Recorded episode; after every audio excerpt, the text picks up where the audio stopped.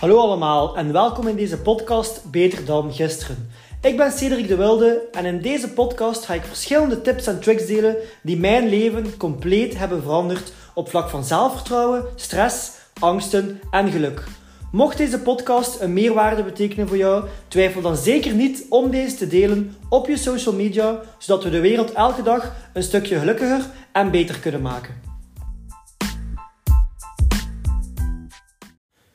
Wist je dat je lichaam en geest constant in connectie staan met elkaar? Nu, wat bedoel ik met je geest? Dat zijn vooral je gedachten en de manier waarop dat je de wereld ziet. Nu, voor mij persoonlijk was dat een enorm belangrijk inzicht, omdat ik dan meer controle kon krijgen over mijn stress, over mijn angsten en over mijn emoties. Want uiteindelijk zijn het je gedachten die je lichaam besturen en je lichaam die je gedachten besturen. En dat gaat in beide richtingen.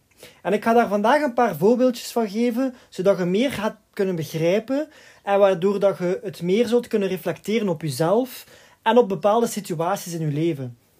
Ik zal je ook tips geven over hoe dat je hier meer controle over kunt krijgen en waar dat je eigenlijk ook echt effectief controle over hebt. Nu, het eerste voorbeeld is een simpel voorbeeld. Stel dat je aan seksuele activiteiten denkt. Door hieraan te denken, zullen er verschillende dingen gebeuren in je lichaam. Ik denk dat, er geen details, eh, dat er geen details nodig zijn en dat je zelf wel weet wat dat is. Nu, wanneer dat, gebeurt, zal je lichaam een signaal terugsturen naar je hersenen, waardoor dat je hersenen bevestiging krijgen en nog meer van die gedachten zullen opwekken. En zo gaat dat constant heen en weer en versterkt elkaar. Dus je creëert gedachten, je lichaam reageert, hierdoor uh, stuurt je lichaam een signaal terug en de hersenen zullen nog meer van die gedachten creëren en sturen naar het lichaam en zo verder en zo verder. Dus uw lichaam en uw hersenen sturen constant informatie naar elkaar en versterken elkaars informatie. Nu een tweede voorbeeld. Stel dat je in je bed ligt en het is donker en je moet ineens denken aan een horrorfilm die je een paar weken geleden hebt gezien en op dat moment hoort je ook een geluid ergens in je huis. Dan komen er bepaalde gedachten naar boven. Die gedachten creëren een bepaalde emotie. In dat geval is die emotie angst. En die emotie gaat verschillende processen starten in je lichaam. Zoals je hartslag die omhoog gaat, je handen die beginnen te trillen. Je krijgt misschien een droge keel, je begint misschien wat te zweten. Je durft niet echt meer bewegen of al je spieren voelen strammer. Bij iedereen is dat natuurlijk een beetje anders. Nu, door dan veranderingen in je lichaam krijgen je hersenen een signaal en zij zullen dan nog meer gedachten gaan creëren om dat signaal te versterken. Waardoor dat je nog meer angstgedachten begint te creëren en op zijn beurt begint je lichaam weer nog, eh, nog meer te reageren. En hierdoor zitten om een duur vast in een bepaald patroon van gedachten of kunnen nog heel moeilijk aan iets anders denken, omdat je lichaam en je geest in een bepaalde flow zitten met signalen sturen naar elkaar. Dan nog een derde voorbeeld. Je denkt aan een relatie die laatst is geëindigd en je beeldt je weer in hoe dat, dat is gegaan. Die gedachten creëren ook weer een emotie en dat is verdriet. Hierdoor reageert je lichaam opnieuw. Je begint misschien te wenen of je legt je een bepaalde eh, houding die typisch is als je verdrietig bent of je hartslag zal misschien ook versnellen. Het zijn allemaal signalen die je lichaam dan weer terugstuurt naar je hersenen, waardoor dat je hersenen nog meer gedachten beginnen te creëren, die dan weer terugstuurd worden naar je lichaam en zo verder en zo verder. En je zit weer in een bepaalde flow dat ervoor zorgt dat je moeilijk aan iets anders kunt denken of dat je daar moeilijk uit geraakt. Nu, een laatste voorbeeld is misschien ook wel een leuker voorbeeld. Je denkt aan een doelpunt dat je hebt gemaakt vorige week op een match. En iedereen was aan het juichen, jij werd super enthousiast en super blij. Die gedachten sturen ook bepaalde signalen naar je lichaam, op bepaalde emoties, dan vooral enthousiasme en blijheid. En je begint actiever te worden. Je speelt de hool misschien nog een keer na. Je roept alsof dat publiek weer aanwezig is. Je hartslag versnelt, je lacht, je voelt je supergoed. En die reactie van je lichaam zorgt weer voor een signaal dat wordt teruggestuurd naar je hersenen, waardoor dat je hersenen nog meer gedachten beginnen creëren. Waardoor dat je om een duur in je gedachten een goal maakt bij de nationale ploeg en dat je de beste speler ter wereld bent. Dat komt doordat er constant signalen heen en weer worden gestuurd tussen je hersenen en je lichaam en dat dat elkaar versterkt. En de gedachten die je krijgt worden altijd maar zotter en zotter. Maar jammer genoeg is dat ook zo bij negatieve gedachten.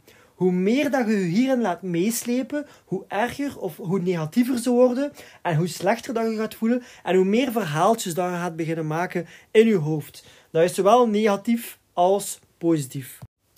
Dus het zijn niet onze gedachten die het probleem zijn, maar het feit dat we ons soms veel te lang laten meeslepen in een bepaald denkpatroon en dat we daar soms echt geen controle over hebben door het proces dat gebeurt van de signalen die worden verstuurd tussen uw hersenen en uw lichaam. Nu, ik persoonlijk merk dat vooral als ik aan het mediteren ben of als ik met iets zit en ik ben alleen, dan wil ik soms aan iets anders denken, maar ik zit soms zo vast in dat patroon of ik zit soms zo vast in die gedachten en dan lukt het soms precies echt niet om aan iets anders te denken omdat ons lichaam nog altijd een bepaalde staat heeft die signalen stuurt naar ons hersenen. En zolang dat we ons lichaam niet kalm krijgen, gaan we ook onze gedachten niet kalm krijgen.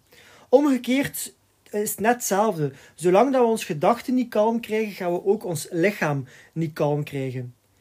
Nu, voor mij is het eigenlijk het makkelijkste, voor mij persoonlijk is het makkelijkste om eerst mijn lichaam kalm te krijgen en dan mijn gedachten. Want ik merk als ik het in die volgorde doe, dat ik veel sneller controle heb over mijn lichaam, maar dat kan voor iedereen anders zijn. Nu, wat kun je doen als je vastzit in je gedachten? Als je je lichaam of je gedachten niet kalm krijgt. Als je het pingpongspel tussen je geest en je lichaam wilt stoppen, maar het lukt precies niet. Er zijn eigenlijk twee mogelijkheden die voor mij werken. En gelijk dat ik daarnet zei, ik moest het persoonlijk echt in de juiste volgorde doen. Dus ik, ik spreek nu vooral vanuit persoonlijke ervaring. Het eerste wat ik doe is zes maal diep in en uitademen. Ongeveer 4 seconden in, 2 seconden vasthouden, dan 6 seconden uitademen en dan weer 2 seconden wachten en zo die cyclus 6 keer herhalen. Nu, waarom doe ik dat? Over mijn hartslag heb ik geen rechtstreekse controle. Ik kan niet zeggen hartslag vertraag. Over mijn trillende handen heb ik ook geen rechtstreekse controle. Het enige wat ik kan controleren is mijn ademhaling. En door uw ademhaling te veranderen, zullen ook uw lichaam kalmeren en zullen er ook verschillende processen in uw lichaam plaatsvinden. Uw hartslag die vertraagt, um, uw, uw, uw ademhaling je weer onder controle krijgt. En die signalen worden opnieuw naar uw hersenen gestuurd. En wat gebeurt er dan in uw hersenen? Die sturen andere gedachten terug naar uw lichaam, omdat ze andere signalen krijgen. En daardoor wordt uw lichaam nog rustiger en start je eigenlijk een nieuw pingpongspel tussen uw lichaam en uw geest. Nu, wat doe, ik, wat doe ik hierna nog? Als ik mijn lichaam rust heb gekregen, ga ik nog extra aandacht gaan besteden aan mijn gedachten. En op het moment dat mijn lichaam rustiger is, is dat ook veel makkelijker om controle te krijgen over mijn gedachten. En dan ga ik praten met mezelf. Ik zei van, kijk, rustig Cedric, heb niets om je zorgen over te maken, je bent veilig. Of ik denk aan alles waarvoor dat ik dankbaar ben. En als er dan weer een gedachte tussenkomt die dat je niet wilt, duw dan die gedachte zeker niet weg. Want door het weg te duwen, gaat die alleen maar erger worden. Spreek met die gedachte alsof dat een persoon is. Bijvoorbeeld, kijk, bepaalde gedachten, het is nu niet het moment om mij te storen. Ik ben even bezig, dus ik zou het wel leuk vinden als je mij verder laat doen met mijn meditatie of met mijn ademhaling. Voor mij persoonlijk helpt dat echt enorm, omdat ik dan op een zachte en vriendelijke manier mijn gedachten laat voorbijgaan en dat niet probeer te pushen. Want hoe meer dat ik dat probeer weg te duwen, hoe meer dat die gedachte komt. Nu, als je dat combineert met de juiste ademhaling en je kiest bewust welke gedachten dat jij wilt opwekken en je doet dat consistent elke dag voor een lange periode, ga je op termijn veel meer controle krijgen over je lichaam en je geest en gaat het geen controle meer hebben over u. Nu, het kan zijn dat je jezelf hebt herkend in bepaalde situaties, of dat je andere situaties in je leven hebt, dat je denkt van, maar ja, op dat vlak laat ik mij veel te veel meeslepen uh, in mijn gedachten. Probeer dan zeker een keer de ademhaling en de nieuwe gedachten opwekken te, te, proberen. En gelijk dat ik zei, voor mij persoonlijk helpt het veel beter om eerst mijn lichaam onder controle te krijgen en dan mijn gedachten. Want omgekeerd gaat dat heel moeilijk voor mij. Dus reflecteer een keer op je leven, pas het een keer toe en laat een keer weten, als je de podcast zou delen op je verhaal, hoe dat, op welke manier dat, dat voor jou heeft gewerkt.